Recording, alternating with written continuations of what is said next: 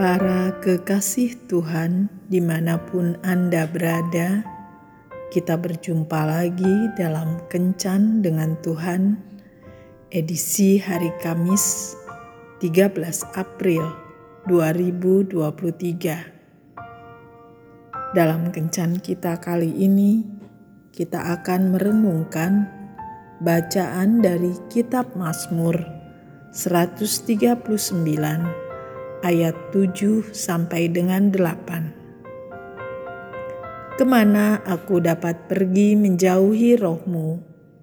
Ke mana aku dapat lari dari hadapanmu? Jika aku mendaki ke langit, engkau di sana.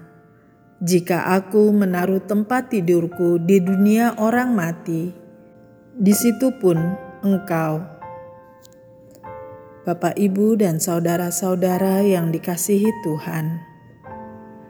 Seorang pengacara terkenal mempunyai seekor burung starling atau jalak.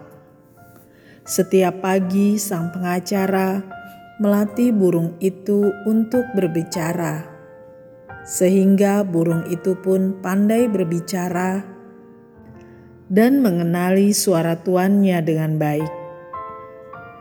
Burung starling itu diletakkan di kantor kerjanya. Suatu pagi, Kenneth, keponakan sang pengacara yang berusia 11 tahun, masuk ke ruang kerjanya dan pengacara itu memperlihatkan kebolehan starlingnya kepada Kenneth. Karena mendadak sakit perut, maka pengacara itu terburu-buru ke toilet. Ketika kembali, ia begitu heran karena starlingnya sudah tidak ada di sangkar. Pengacara itu bertanya kepada Kenneth, "Kenneth, ke mana perginya si Starling?" "Saya tidak tahu, Paman," jawab Kenneth. "Bukankah tadi Starling ada di sangkarnya?" Tanya pengacara itu kembali. Kenneth tidak tahu ke mana perginya si Starling. Lihat paman, pintu sangkarnya terbuka. Barangkali ia terbang. Tiba-tiba pengacara itu memanggil, Starling, di manakah engkau sayang? Wajah Kenneth tiba-tiba pucat karena dari balik bajunya terdengar sautan. Aku di sini, Tuan. Kenneth begitu tertarik pada kepintaran si Starling, sehingga di hatinya timbul keinginan untuk memilikinya. Menurut pemikiran Kenneth, tempat yang paling aman untuk menyembunyikan Starling adalah di balik bajunya.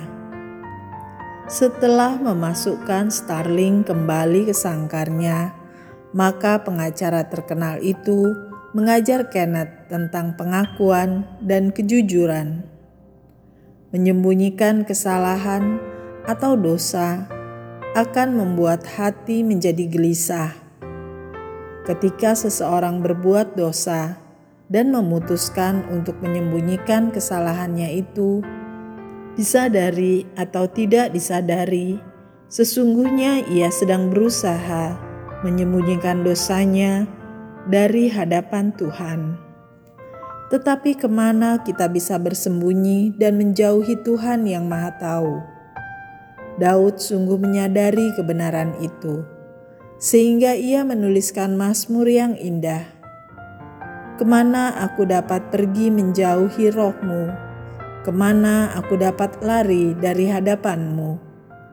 Jika aku mendaki ke langit, engkau di sana. Jika aku menaruh tempat tidurku, di dunia orang mati, di situ pun engkau.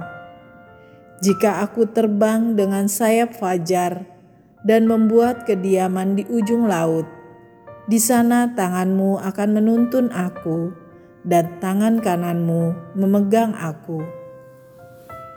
Ketika melakukan dosa, maka hati nurani kita akan bersuara seperti starling yang bersuara Tuhan telah menempatkan hati nurani di dalam diri kita masing-masing untuk mengingatkan dan menegur, manakala kita berbuat dosa atau menyimpang dari jalan-jalannya. Mengakui dosa di hadapan Tuhan akan mendatangkan damai sejahtera, sebab tanpa pengakuan kita akan terus-menerus tertuduh dan gelisah.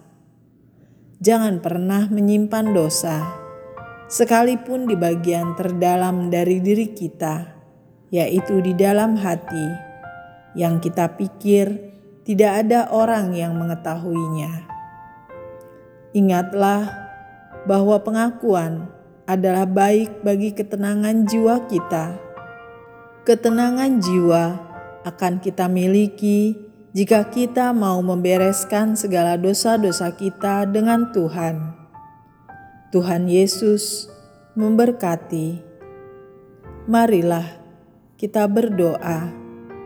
Tuhan Yesus, ampuni aku karena aku sering menyembunyikan dosaku di hadapan-Mu Bahkan aku jarang sekali meminta ampun.